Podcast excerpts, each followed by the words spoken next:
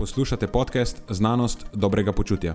To je oddaja, v kateri odkrivamo, kako lahko znanost pomaga izboljšati vaše počutje in kako kritično razmišljanje omogoča sprejemanje dobrih odločitev na področju zdravja in fitnesa.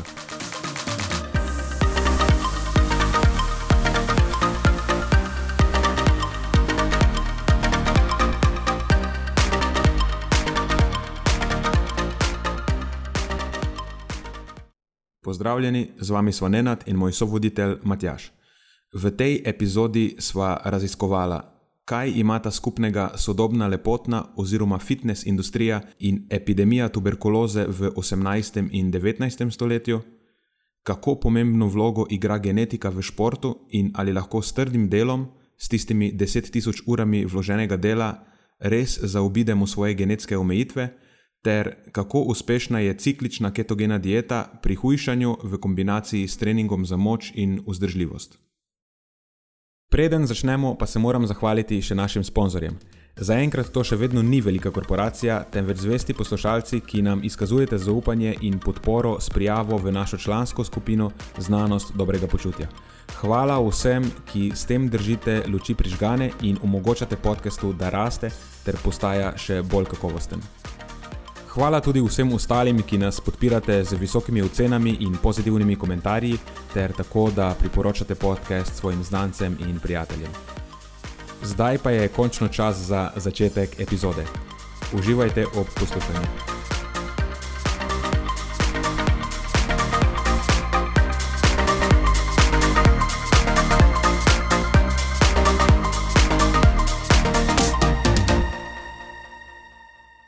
Kako bomo mi dva začela danes tole?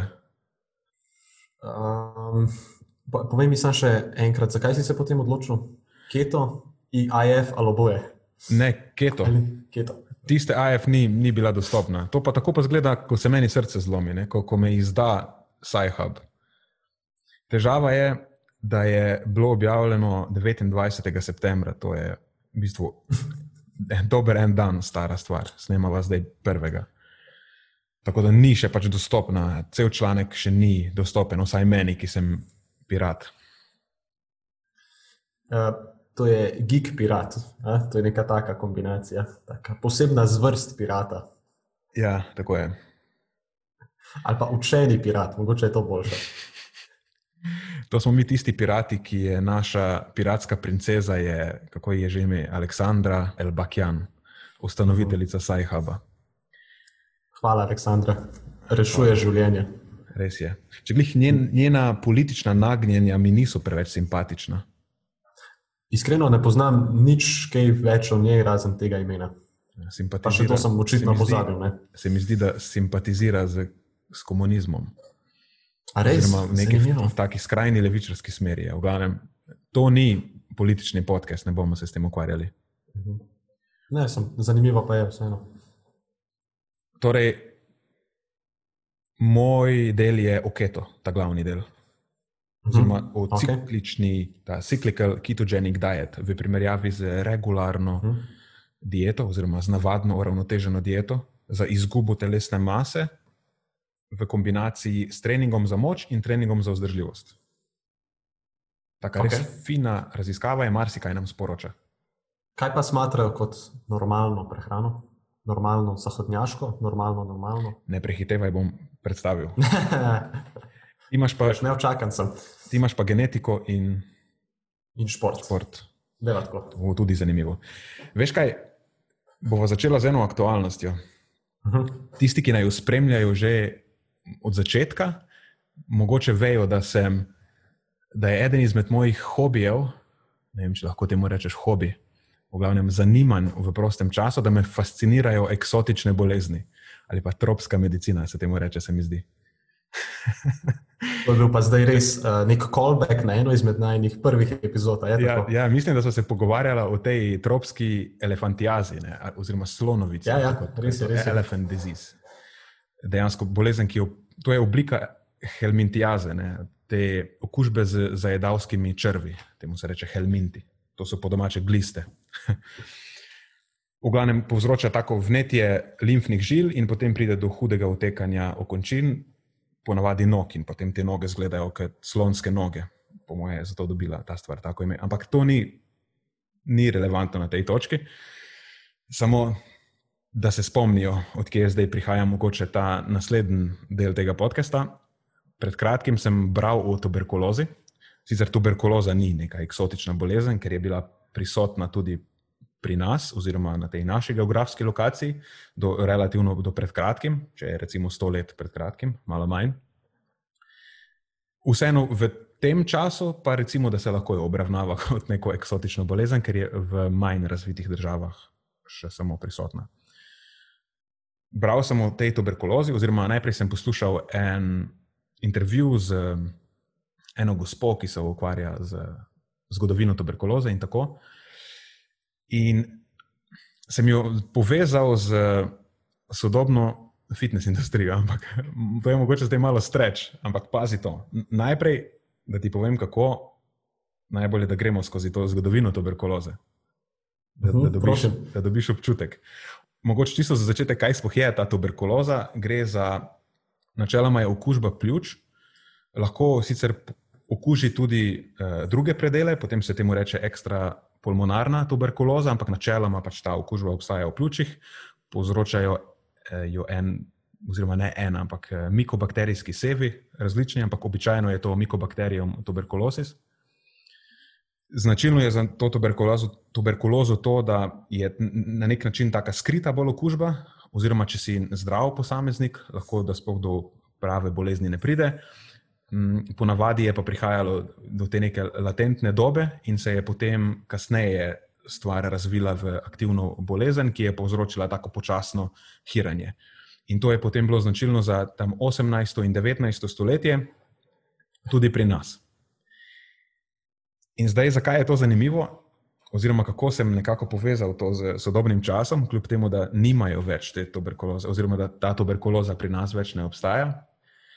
Takrat, v 18. stoletju, pa recimo do srede 19. je bila to zelo pogosta bolezen in nekako so jo si razlagali ali pa rekli so, da je bolezen intelektualcev, kreativnežev in uživačev, v glavnem vseh, ki so se udajali užitkom raznim. In, um, ja, jaz bi ga nastradal v tistem času. Sej logično je, zakaj so razni, spoh ti kreativni, že pogosto dobivali te bolezni, umetniki, pa pisatelji, pa poeti, pa razni ti poklici, v narekovajih, če jim lahko tako rečeš. Ker je pač eh, dejavnik tveganja, da za tem zboliš, je, da nekako slabo skrbiš zase, recimo, da malo preveč ponočuješ, malo preveč piješ, malo preveč slabo ješ, da si na nek način, to so vse stvari, ki te nekako imunokompromitirajo. Pa to, da je veliko ljudi na kupu, pa da so slabe higijenske razmere. V glavnem, vsi, ki so bili takrat popularni, so izpolnjevali večino teh kriterijev in so pač zbolevali za tem.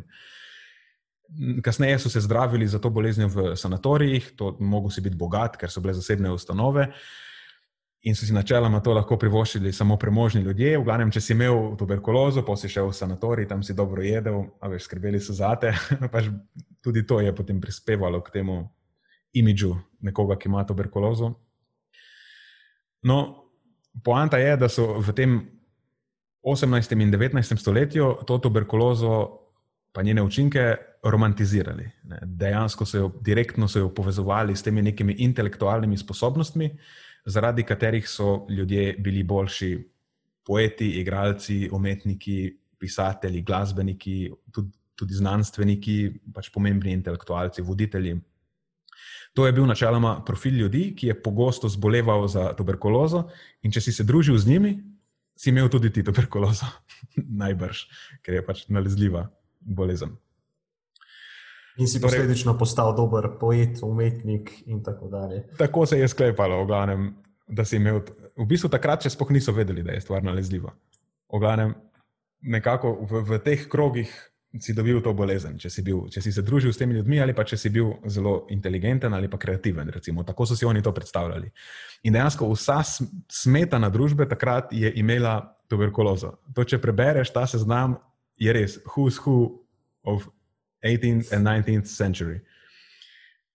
Recimo Edgar, Edgar Allan Poe, uh, Robert Louis Stevenson, Stevenson ne, otok zakladov, uh, Henry David Thoreau, Voltaire, Franz Kafka, George Orwell, Alexander Pope, potem skladatelji, Chopin, Paganini, pa potem še cel kup politikov, pa monarhov, voditeljev, pa še znanih osebnosti, da, da sploh ne naštevamo vseh, ker je seznam je res dolg.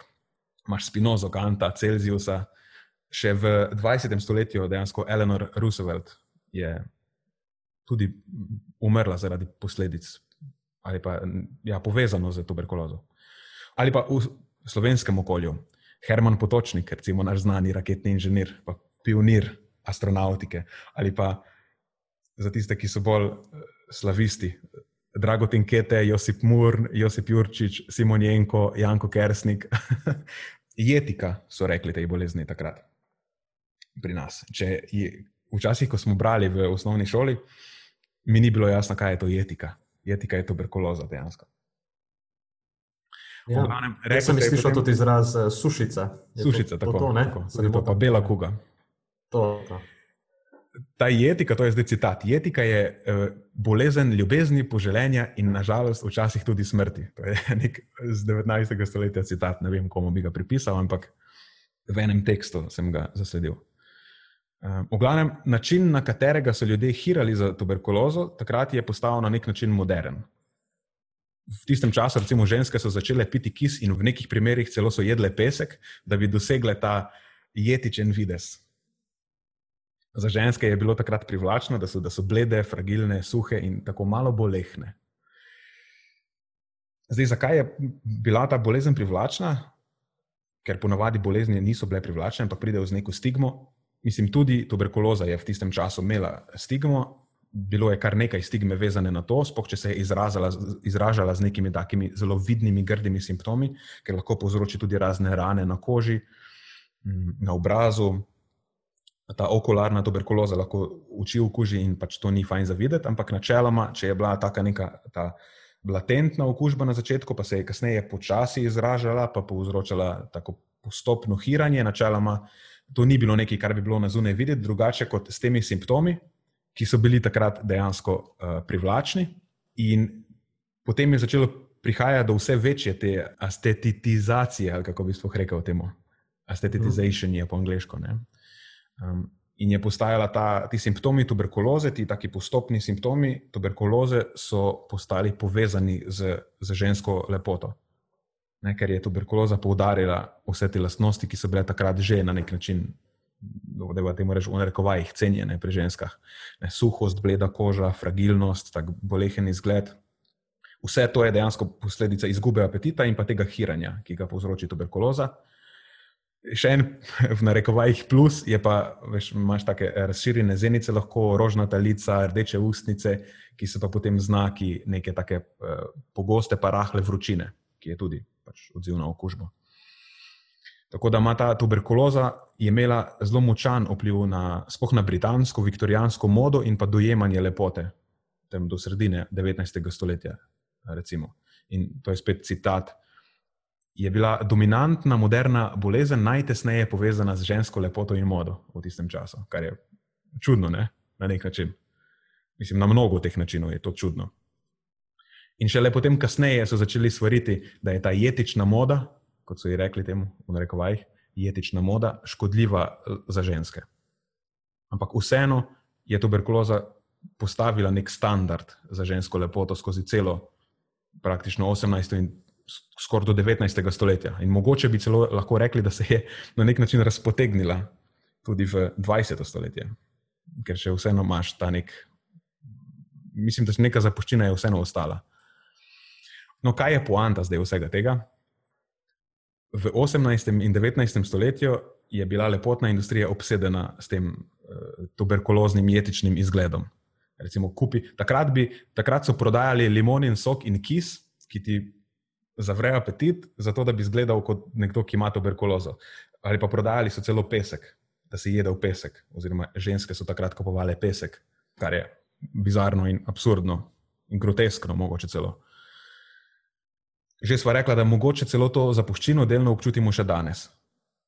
Imáš razne schirane modele, da se ti vidijo rebra, ne, recimo six-packi, sploh pri ženskah. Mislim, vsi vemo, da so vse to neke fenotipske lastnosti, sploh ko jih peljemo v ekstrem, ki so povezane s slabšim zdravjem, ne z boljšim, ali pa vsaj s slabšim počutjem. In kje pač najdem jaz to, to usporednico? Nekoč je bila ta lepotna industrija obsedena s tem tuberkuloznim izgledom, pač danes pa se mi zdi, da je obsedena z nekim izgledom prehranskih moten ali pa dismorfije, te popačene samo podobe. Nekaj se danes recimo prodaja. Sixpacki, vidna rebra, zvite hrbtenice, izbočene riti. Veš, in pri moških imaš pa na drugi strani tudi neke precej čudne standarde, ki včasih izgledajo kot neki modeli iz risank. Ja, zanimivo. Se pa eh, se mi je zdelo, da imamo dan danes neke take čudne prehranske trende, dajemo si maslo v kavo, pijemo seveda kis na tešče zjutraj in podobne stvari. Ampak vidim, da nismo šli pa v take skrajnosti, kot je iskanje tuberkuloze. Mislim, spet iščemo nek izgled, v bistvu iščemo, ki, ki ni zdrav sam po sebi. To je tisto, kar, nas, kar se prodaja kot privlačno nek zna, dejansko nek fe, fenotipski izraz neke bolezni. Sicer to je mhm. pripeljano do absurda, ampak če gledaš, kaj se prodaja, dejansko se prodajajo eh, nefunkcionalen izgled in bolehen izgled. Ker to, kar vidiš, nekoga shiranega, kjer im, nima nič maščobe, veš, tako so nekoč izgledali, ko jim niso dajali za jesti. Danes je pač to na nek način popularno. Sej. Je pa to nekaj zanimivega, predvsem mogoče na naših tleh, naša kultura, kaj ti v kakih drugih državah, zgodovinsko gledano, lahko zasledimo ravno, ravno nasprotno. Se mi zdi, da je bil ženski ideal eh, ravno obratno, morda malo opilnejša ženska, ki ti je dala nek videz tega, da bo lahko dobro nosila potomce in podobne stvari. Mm -hmm. Ne vem.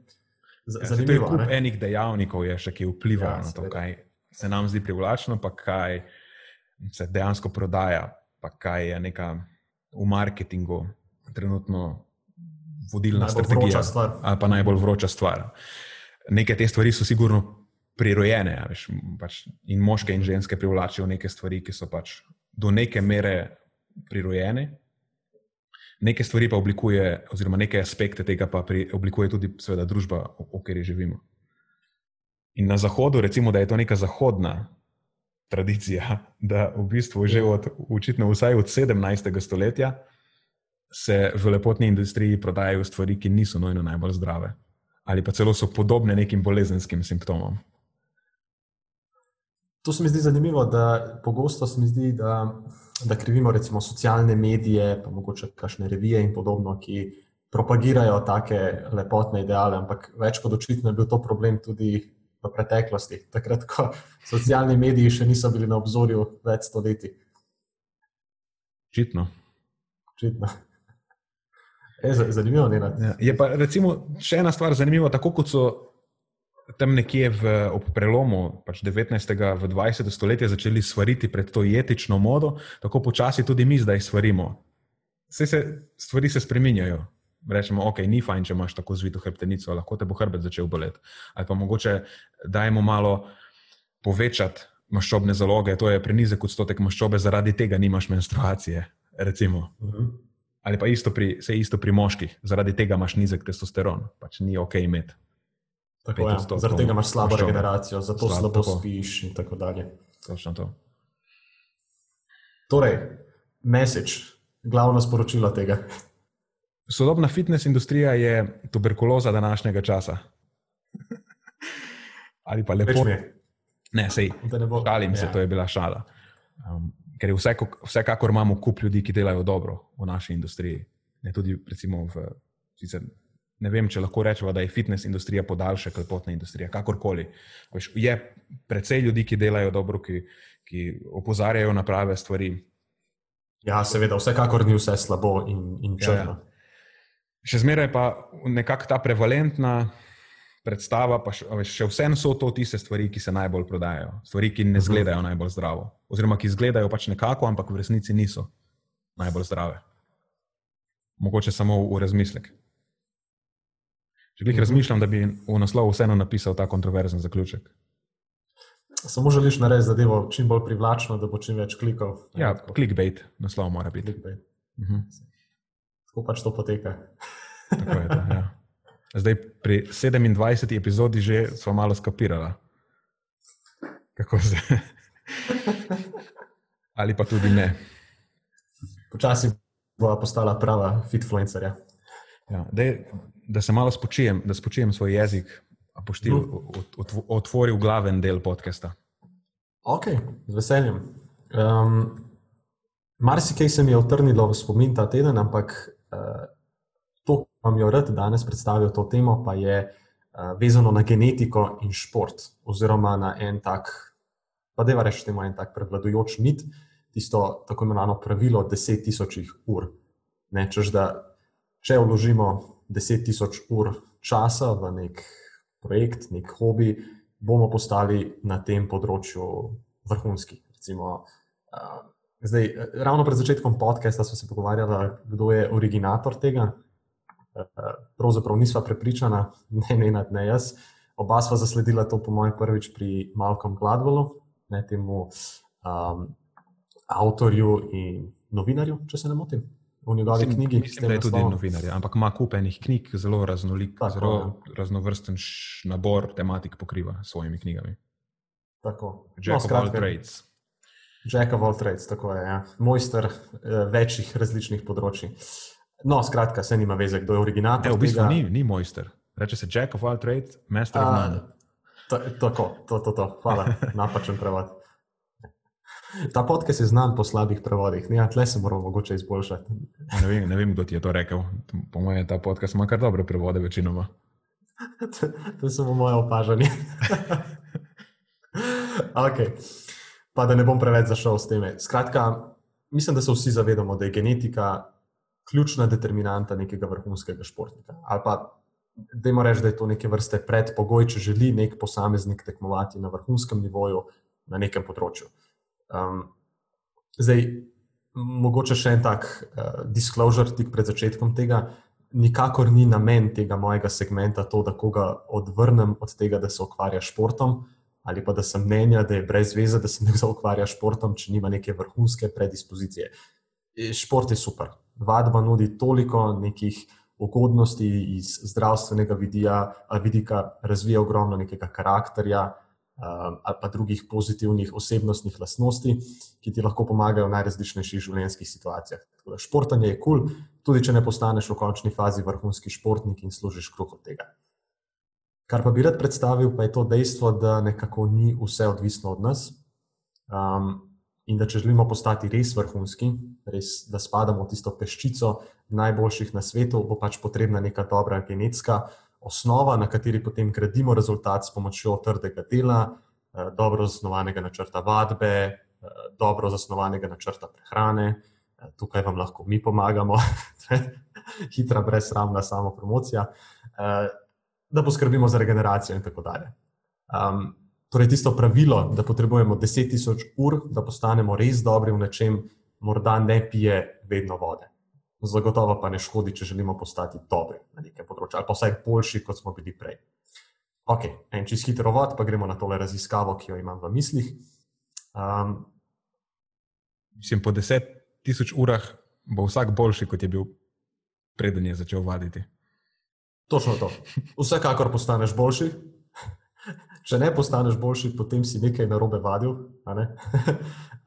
Kako pravijo, da eh, mojster dela vajo, mislim, pardon, eh, vaja dela mojstra, ampak samo če mojster opravlja to vajo pravilno.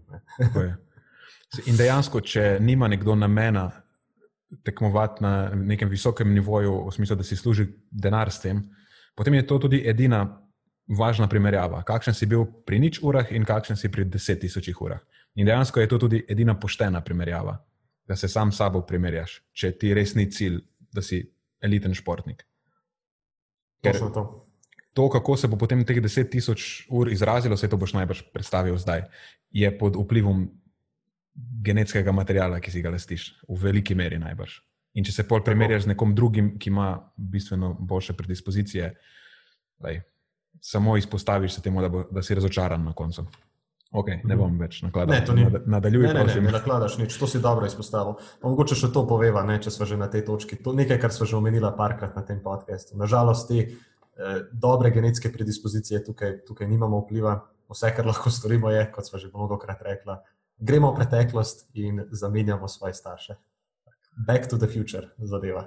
Ne da se. No. v šali. Okay. Članek, ki ga imam v mislih, je pregledni članek, zdaj bom tole zagotovo na robe izgovoril, Srzniskega in pa Bušarda iz letošnjega leta, ki je vzela v obzir raziskave narejene tako na ljudeh, kakor tudi na živalih. Mogoče je to nekaj, kar je vredno omembe že na samem startu, ker praviloma tiste stvari, ki jih odkrijemo na živalskih modelih, ne moremo ali pa vsaj ne moremo popolnoma ekstrapolirati tudi na ljudi. Ampak ok, nekaj, kar je vredno obzir, uh, vsekakor so pa ugotovitve zelo zanimive. Mogoče bi izpostavil ene par stvari. Uh, prva stvar, ki se mi je zdela zelo fascinantna, je to, da, oziroma fascinantna, se, se zavedam tega, ampak vseeno je vredno omembe. Trenutno imamo zelo malo nekih, da rečemo, splošno sprejetih genetskih variacij, za katere vemo, da imajo neposreden vpliv na performance. Um, poznamo krepko preko 200 sekvenc, ki so sicer asociirane z zmogljivostjo, uh, z boljšim performancem na najrazličnejših nivojih, aerobna in anaerobna kapaciteta, moč, hitrost, vzdržljivost in podobno. Ampak te sekvence so dokaj pogoste in pa imajo načeloma tudi zelo majhen, če ne celo trivialen efekt. Um, pa preden nadaljujem, recimo, potrebno je razumeti tudi to, da je, zakaj imamo toliko malo stvari narejenih na tem področju. Predvsej težko je delati raziskave, kot prvo, ne, stvar, oziroma področje kot tako je zelo kompleksno. Uh, predvsem ta interakcija genotip-fenotip je izjemno uh, kompleksna, tako da vsekakor nimamo še vseh sestavljank uh, tega puzla, ampak lej, delamo na tem. In tako kot smo se zadnjič pogovarjali z Žanom na podkastu, znanost je pravzaprav to, da poskušamo eh, vedno bolj osvetliti neko temno področje, da, da vemo vedno več o neki temi, za katero morda nikoli ne bomo čisto popolnoma razumeli. Um, no, ampak en tak način, kako se izvajo raziskave na tem področju, je tako imenovana genotipizacija, to je tak proces uh, določanja tega zaporedja DNA sekvenc in potem primerjanja teh sekvenc z drugimi. Recimo, naredimo genotipizacijo nekega vrhunskega športnika, za katerega vemo, da je izjemno dober na svojem področju, in potem primerjamo to DNA sekvenco z nekim rekreativcem ali pa z neko generalno populacijo in pač iščemo razlike med njimi. In če nam kakšna stvar nekako pade bolj v oko, če se lahko tako zelo poljubno izrazim, potem lahko mogoče dobimo kaj ven iz tega. Uh, vsekakor je ta pristop zelo, mislim, daleč od perfektnega, uh, ampak lahko pa potencialno dobimo neke upoglede v samo temo. Ena izmed takih večjih raziskav na tem področju je recimo Gene Athlete ali pa PAS, to je um, oznaka za Genome Wide Association Study. To sta raziskavi, ki sta vzeli, uh, ki sta, uh, vzeli vzorec oziroma kohorto nekih elitnih vzdržljivostnih športnikov, uh, naredila to genotipizacijo in primerjala z nekimi rekreativnimi športniki. Uh, ampak nobena izmed njih ne bi mogli reči, da so odkrili neko toplo vodo, oziroma niso odkrili nekih izrazitih razlik, kar se tiče teh genomskih variacij med elitnimi športniki in med to kontrolno skupino. Uh, torej, to je ta pot genotipizacije, potem imamo pa še eno alternativno pot, uh, ki pa je identifikacija genov, pri katerih izguba funkcije tega gena vpliva na performance ali pa recimo na hipertrofijo, ne, torej na, recimo, na pridobivanje mišične mase. Take raziskave pa niso narejene na ljudeh, načeloma potekajo na živalskih modelih, si lahko predstavljate, zakaj. Zato je mogoče potrebno biti pozoren pri interpretaciji takih rezultatov na tem naslovu. Smo pa odkrili že par deset genov, če se ne motim, ki bi potencialno lahko znatno vplivali na zmogljivost na tem naslovu s pomočjo takih raziskav pa ne bom niti omenjal teh genov, ker se mi ne zdi nekako preveč smiselno. Preveč bomo zašli v, v preveč neke uh, znanstvene in nezanimive sfere, pa mislim, da bo večina poslušalcev tle zaspala, se bo sam še z Nenadom pogovarjala. okay.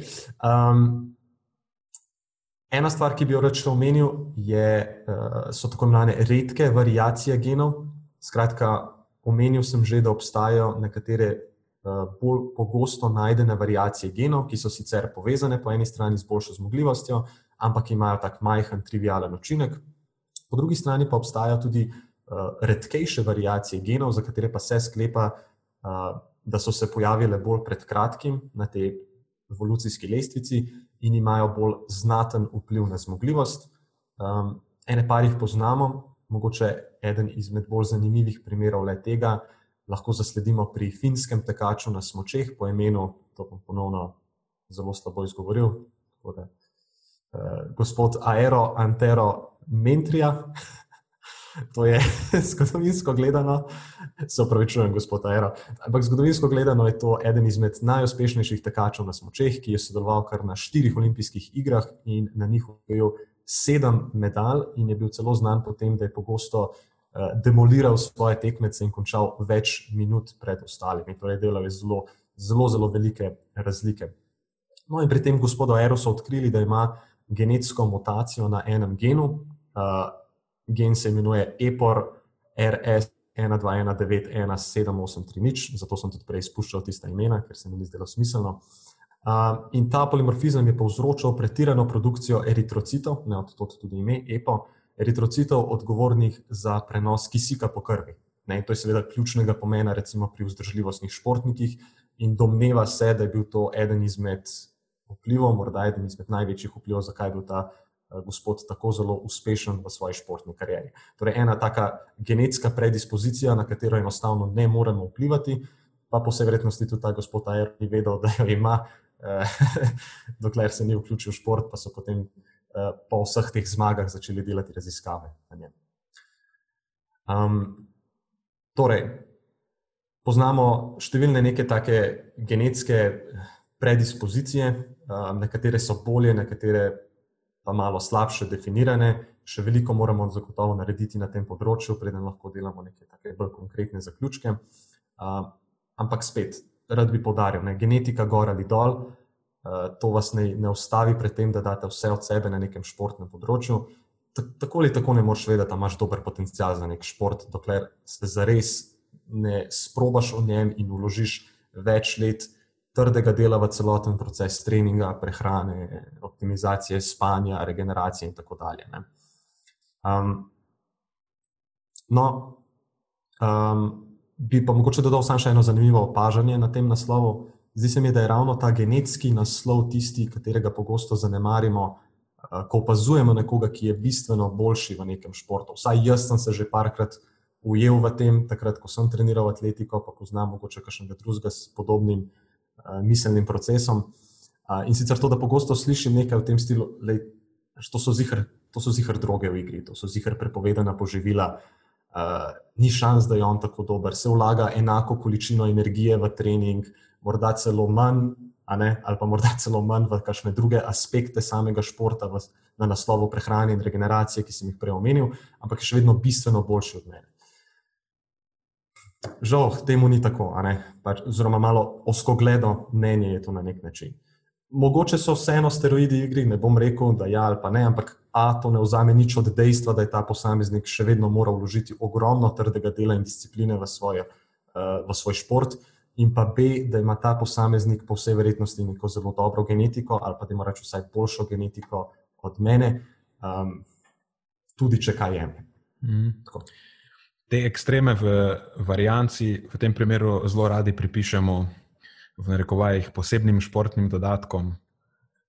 Čeprav bi jih zlahka pač razložila genetika. In jih v večini Tako. primerov najbrž tudi razlaga genetika.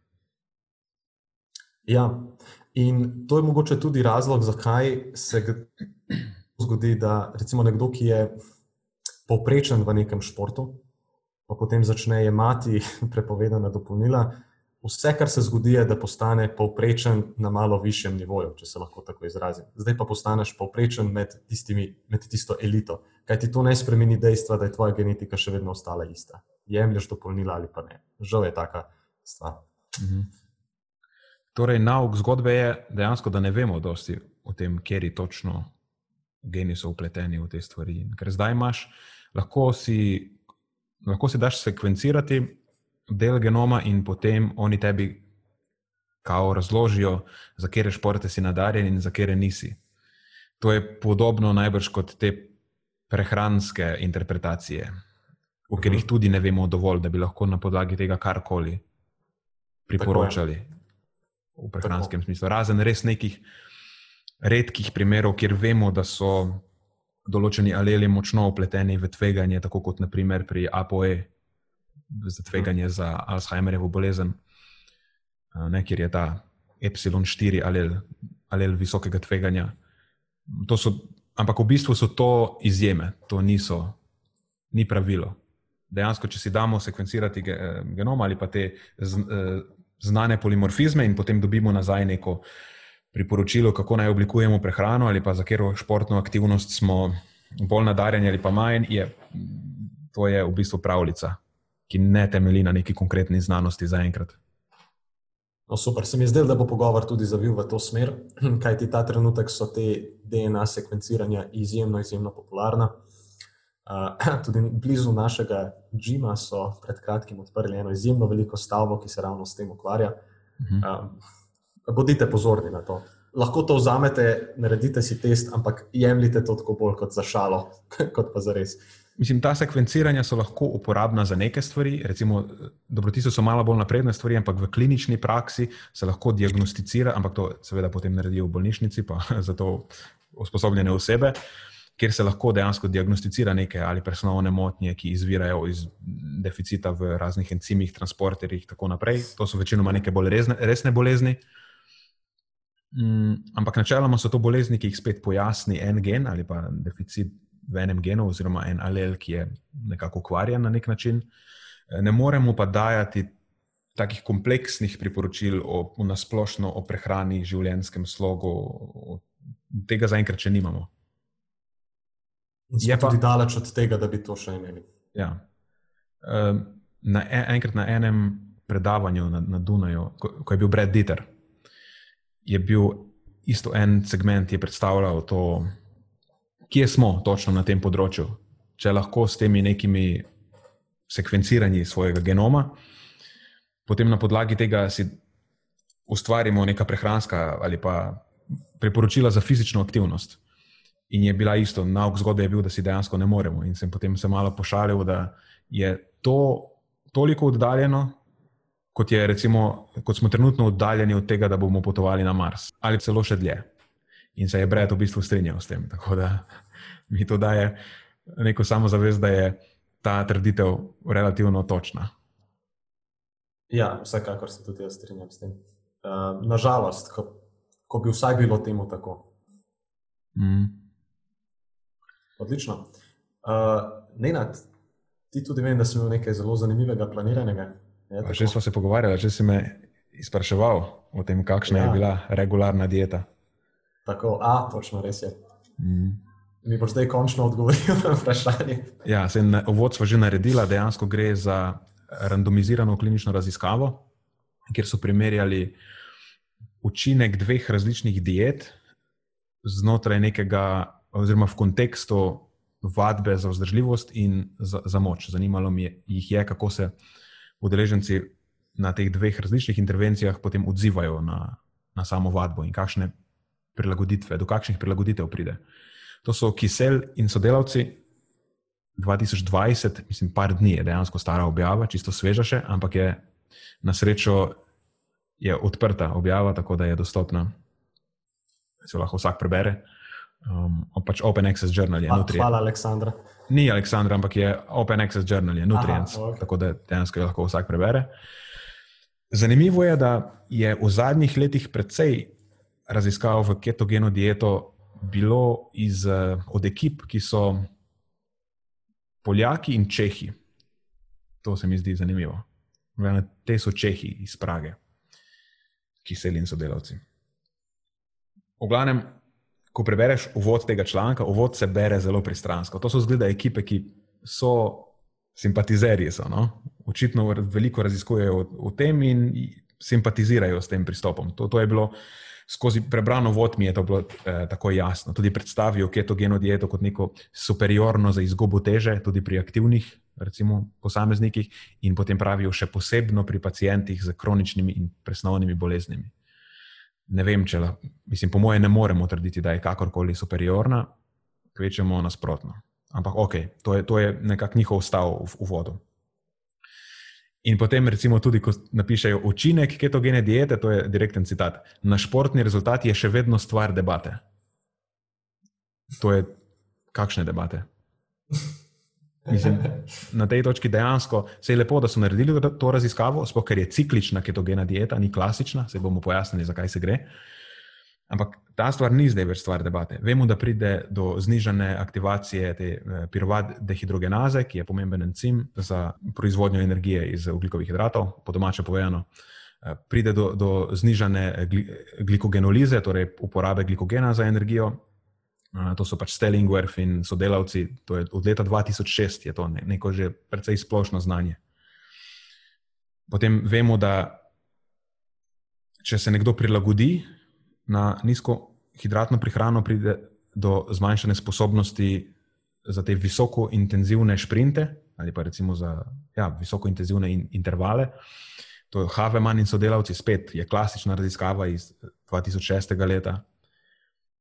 Mislim, da lani je ena izmed teh čeških ali polskih skupin pokazala, da pri košarkarjih pride do znižanega performansa, in pa itak dve klasični raziskavi Brkove in sodelavcev, tista 2017 in čist nova 2020, ki je dejansko samo potrdila rezultate, da prilagoditev na ketogeno prehrano poslabša ekonomijo vadbe in zmanjša te pozitivne prilagoditve na trening.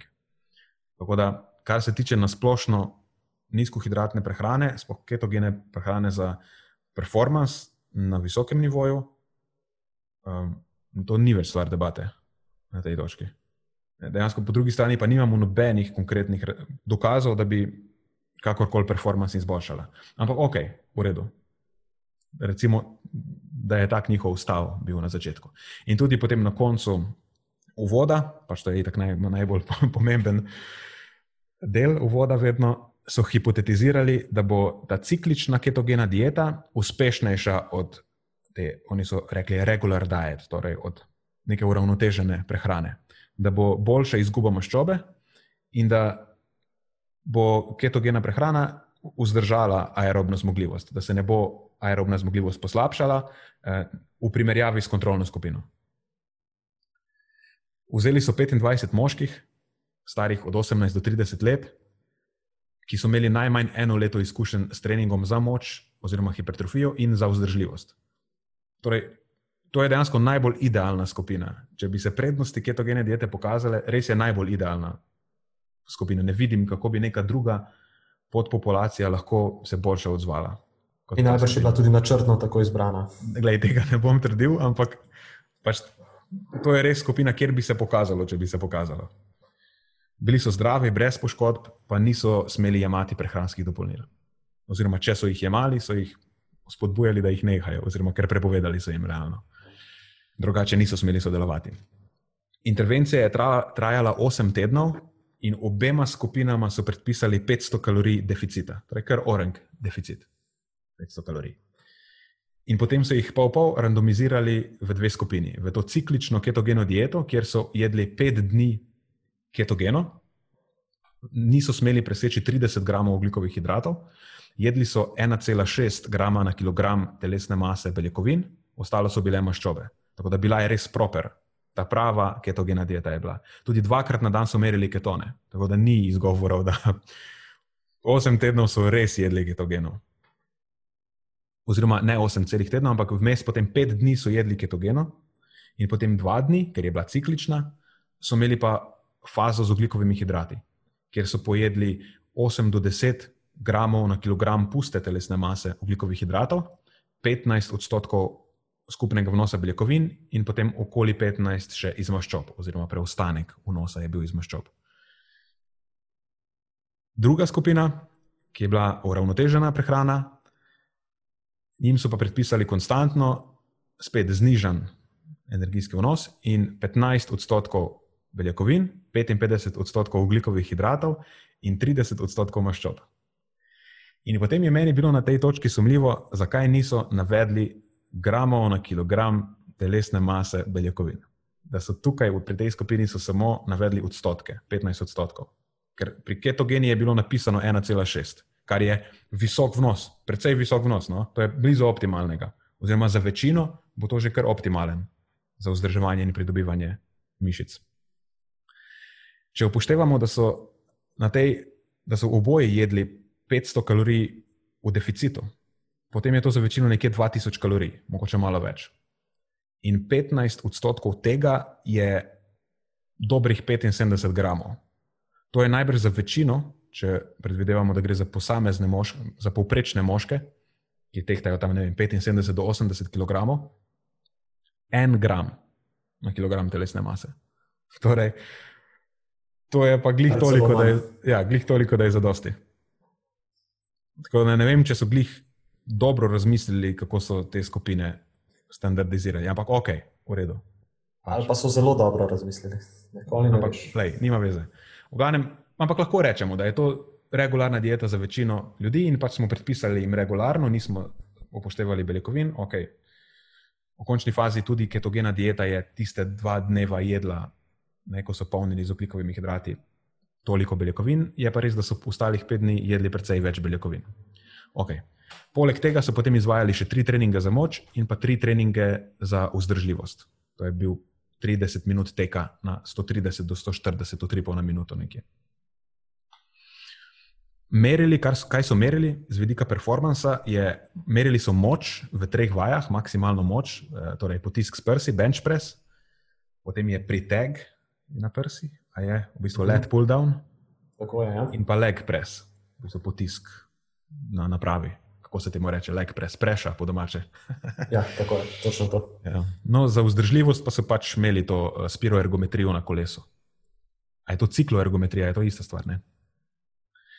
Nisem, nisem domač na tem vzdržljivostnem področju. Ampak očitno dovolj, da znam interpretirati to. No, v glavnem, pazi, zdaj pa rezultati, upoštevajoč vse to. Obe intervenciji sta izgubili podobno količino telesne mase oziroma ciklična ketogena dieta je izgubila skoraj en kilogram več. Ampak na ciklični ketogeni dieti so izgubili manj maščobe, 2 kg, okoli, in več mišic, 2 kg. Torej, pol, pol mase je dejansko bila mišica maščoba, kljub temu, da so jedli blizu optimalnega beljakovin. In pa izgubili so še 1,5 kg vode. Torej, tudi tisti 1 kg več, ki so ga izgubili, lahko pojasnimo s to vodo. Potem, po drugi strani, na uravnoteženi prehrani, pa so izgubili praktično samo maščobo, kar me je spet presenetilo, glede na to, da so jedli samo en gram, ne, približno na kilogram telesne mase beljakovin. Ampak očitno, vseeno so trenirali precej in je bil to nek stimul, ki je očitno v roku osmih tednov ni nekih hudih posledic pustil, oziroma izgubili so pol kilograma, se mi zdi, mišic, nekaj takega v glavnem zanemarljivo v primerjavi z ketogeno dieto. Lahko bi mogoče celo nekako hipotetizirali, da če bi bil vnos beljakovin višji, da niti tega pol kilograma ne bi izgubili ob takem treningu. Mislim, da, to, da ni preveč sklepati to. Mm.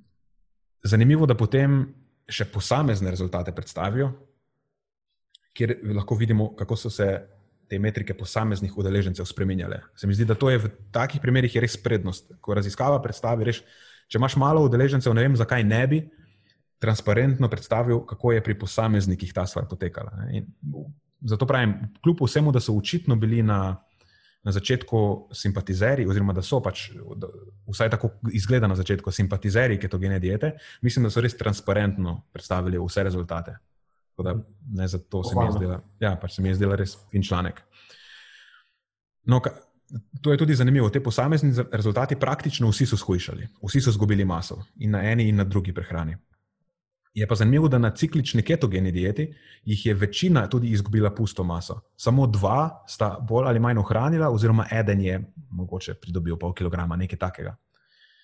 Po drugi strani pa na tej uravnoteženi prehrani jih je ena tretjina pridobila mišično maso, v deficitu pazi to. Ena tretjina jih je ohranila, in ena tretjina jih je izgubila.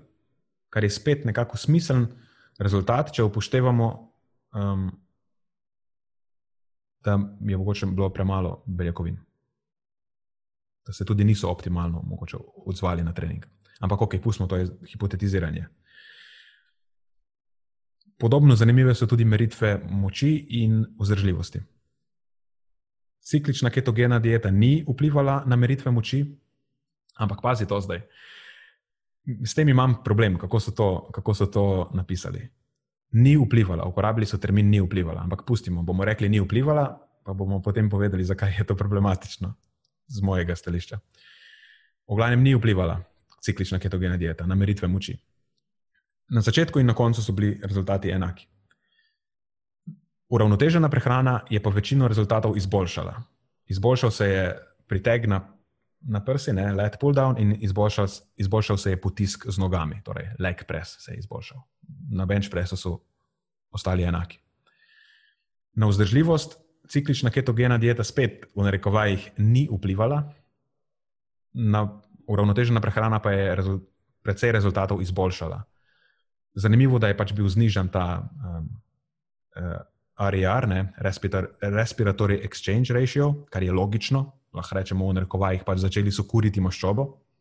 Ampak zanimivo, da se to kurjenje maščobe ni odrazilo v izboljšanji vzdržljivosti, ker je pri ciklični ketogeni dieti ni bilo sprememb, dočim pri uravnoteženi prehrani se je izboljšala ta največja obremenitev, ali kako bi uh, ta workload prevedli. Uh, izboljšal se je ta največji prevzem kisika na kilogram, uh, največja obremenitev na kilogram, pa kapaciteta za delo pri pač 170 stršnega utripa na minuto. Ne vem, zakaj so se odločili, ampak tako so jih pač obremenili. V glavnem, to so bili neki dejavniki, kjer je vadba za vzdržljivost obrodila sadove samo pri regularni prehrani. In zdaj, zakaj se meni zdi problematično reči, da ni vplivala? Meni se zdi v tem kontekstu to napačna terminologija. Ker jih primerjamo s kontrolno skupino. Imamo ketogeno skupino in imamo kontrolno skupino. In pri intervenciji za ciklično ketogeno dieto ni, prislo, ni prišlo do sprememb po osmih mesecih. Ampak v primerjavi s kontrolno skupino, ki je svoje rezultate izboljšala, to pomeni negativen vpliv. Ker če imaš eno skupino, ki izboljša rezultat v odzivu na nek stimuli, na nek trening, potem tista skupina, ki ostaja enaka, to je negativno v tem kontekstu. Ni, ni vplivala, ampak vplivala je negativno na prilagoditve na trening. To bi bila, po mojem mnenju, pravilna interpretacija tega. Da, če potegnemo črto in zaključimo to, lahko rečemo, da po osmih tednih mešanega treninga za moč in vzdržljivost pri mladih, zdravih in aktivnih moških, spet zelo pomembno izpostaviti, sta se dve različni prehrani pokazali kot enako učinkoviti za izgubo količine telesne mase. Torej, pri tem sta bili enaki. Ampak sta imela pa pristopa zelo različne učinke na sestavo oziroma kakovost te izgubljene mase in pa na meritve moči in vzdržljivosti. Ne, vemo, da pri ciklični ketogenu, ketogeni dieti sta izgubo telesne mase poleg maščobe predstavljala tudi mišična masa in telesna voda, pri navadni uravnoteženi prehrani je izgubo telesne mase predstavljala v glavnem maščoba. Kar se tiče performansa, pri ciklični ketogeni dieti trening ni povzročil napredka, pri regularni, navadni, uravnoteženi prehrani pa so se udeleženci na trening odzvali eh, s prilagoditvijo, to je izboljšano močjo in vzdržljivostjo. In na koncu, ne, pazi, kljub temu, da so udeleženci na ciklični ketogeni dieti očitno jedli več beljakovin. Sicer ne vemo z zagotovo, ker niso dali podatke, ampak kot smo preračunali, dvomim, da so do, lahko dosegli 1,6. Razen če so jedli 4000 kalorij in so bili kljub temu za 500 kalorij v deficitu. V katerem primeru ne vem, kaj točno so delali, kako so preživljali svoj dan, da bi bilo to praktično izvedljivo. Uh, ja, po vsej verjetnosti to ni praktično. Uh, in tukaj imamo mogoče. Še ena stvar, ne, imamo, ki se je, mislim, da se je smiselno dotakniti, imamo mlado, zdravo in aktivno populacijo moških. Torej, to je populacija, ki je najbolj odporna na vse sorte prehranskih in vadbenih neumnosti, po domače povedano. Res lahko delajo s sabo vse, kar želijo, in se jim ne bo zgodilo nič. Kaj pa, če bi imeli drugo populacijo? Kaj pa, če bi imeli ženske, če bi imeli starejše odrasle, ki vemo, da so anabolno rezistentni, lahko, da pač skupljajo lahko pospešeno mišično maso? Če bi imeli profesionalne športnike, recimo. Za neke od teh populacij lahko sumimo, Za profesionalne športnike mislim, da imamo precej dobre podatke, kaj se zgodi. Že v začetku omenjeni raziskavi Brkove in sodelavcev so pokazali dvakrat, replicirali so to, kar je v bistvu Zdaj samo čakamo, če da nekdo drug replicira to na nekih elitnih športnikih, pa, pa res ne vem, koliko žebljev lahko še v to krsto zabijemo. V glavnem pokazali so, da pri elitnih olimpijskih atletih, v njihovem primeru, torej to so bili atleti pred pripravami na olimpijske igre oziroma na svetovna prvenstva, um, v primerjavi s kontrolno skupino pride do poslabšanja rezultatov na nizkohidratni prehrani. Torej, odzovejo se kljub temu, da trenirajo z namenom izboljšanja performansa, pride do slabšega performansa, do čim pač kontrolna skupina napreduje. Zelo podoben rezultat kot pri tej raziskavi, samo še bolj ekstremno v korist uravnotežene prehrane. Ali pa rečemo temu više hidratne prehrane. Pri ženskah pa tudi vemo, recimo, če govorimo o še eni populaciji, ki, je, ki se precej razlikuje od te, ki so jo vzeli oni za vzorec. Um, vemo, da pri ženskah recimo, pride lahko omejevanje ugljikovih hidratov v, v nekem ekstremu, uh, povzroči težave ali pa rečemo simptome, ki so podobni um, tej neki nizki energijski razpoložljivosti oziroma simptomom relativnega energijskega pomankanja, tudi neodvisno od dejanskega vnosa energije. Ne, lahko si nakoplješ punca neke težave, samo na račun omejevanja ugljikovih hidratov. Um, Tako da, ne vem, mislim, to je en, kar, še en žebelj v to krsto. ta, že, ta krsta je že polna žebljev, v resnici. Ne potrebuje več žebljev, ali pa počasih ne bo več potreboval. Mo, mogoče lahko dodava še enega, ker na tej točki potem bi lahko rekli, mogoče, ampak to je bilo v kontekstu energijskega pomankanja.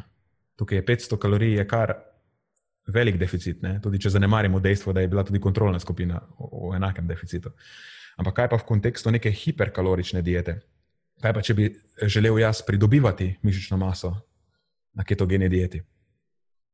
Um, imamo tudi te podatke. To so bili Vargas in sodelavci, mislim, da je dva, dve leti stara raziskava, um, kjer so pokazali, po domače povedano, da ima ketogena dieta najbrž negativen učinek na prirast mišic. Uh, tam sta bili obe skupini v hiperenergetskih pogojih, pomeni, da so uživali več energije, kot je porabijo na dnevni bazi zaradi česar pride do povečanja telesne mase.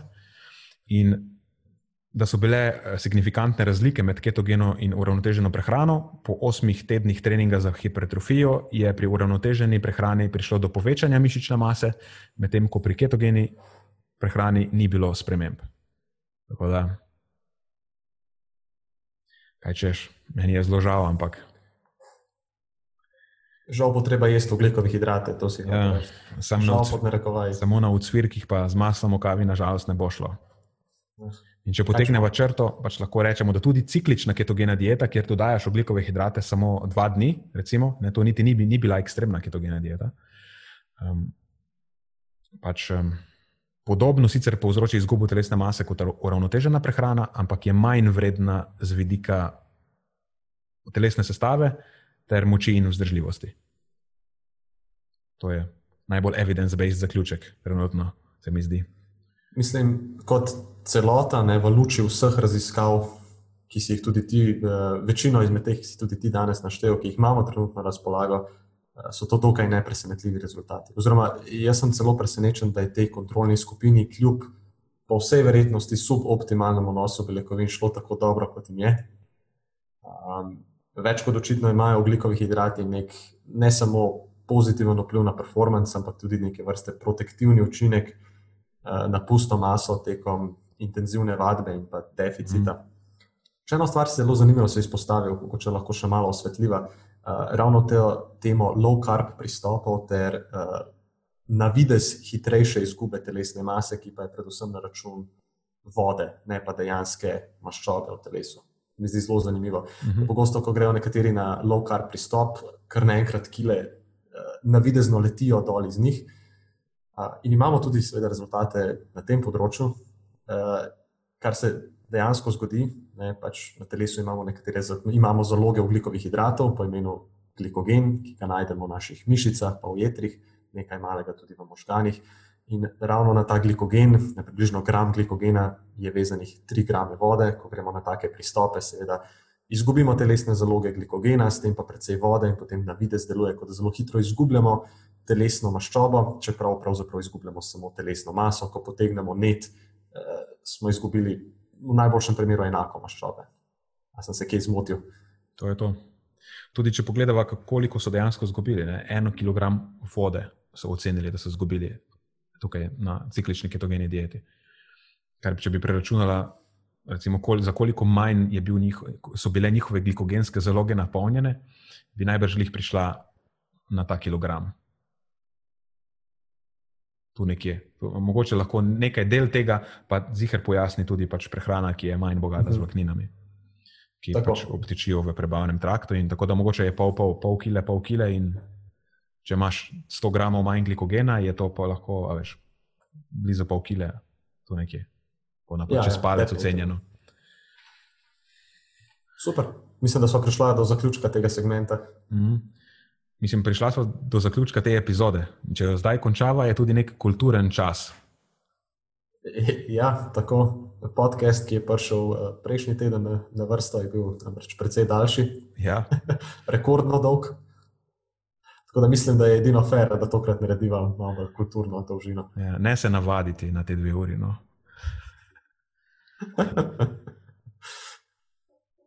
Odlično. Okay. Nenad, s tabo je vedno fajn kramljati, upam, da bo poslušalcem tudi tako, tako všeč, kot je bilo meni. Tako da se slišimo prihodnjič. Ja, hvala za poslušanje, hvala, ker naj jo podpirate.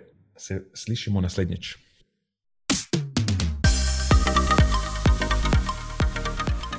To je za tokrat vse iz naše strani. Hvala, ker ste poslušali do konca. Če mislite, da je bila današnja epizoda pomembna, jo prosim delite s svojimi znanci in prijatelji in jo priporočajte dalje, saj s tem omogočite, da doseže čim večjo množico. Hvala vsem, ki nas podpirate s članarino in tudi vsem ostalim, ki delite podcast dalje in nam izkazujete naklonjenost z visokimi ocenami in pozitivnimi komentarji. Se slišimo prihodnjič, do takrat pa ostanite premišljeni.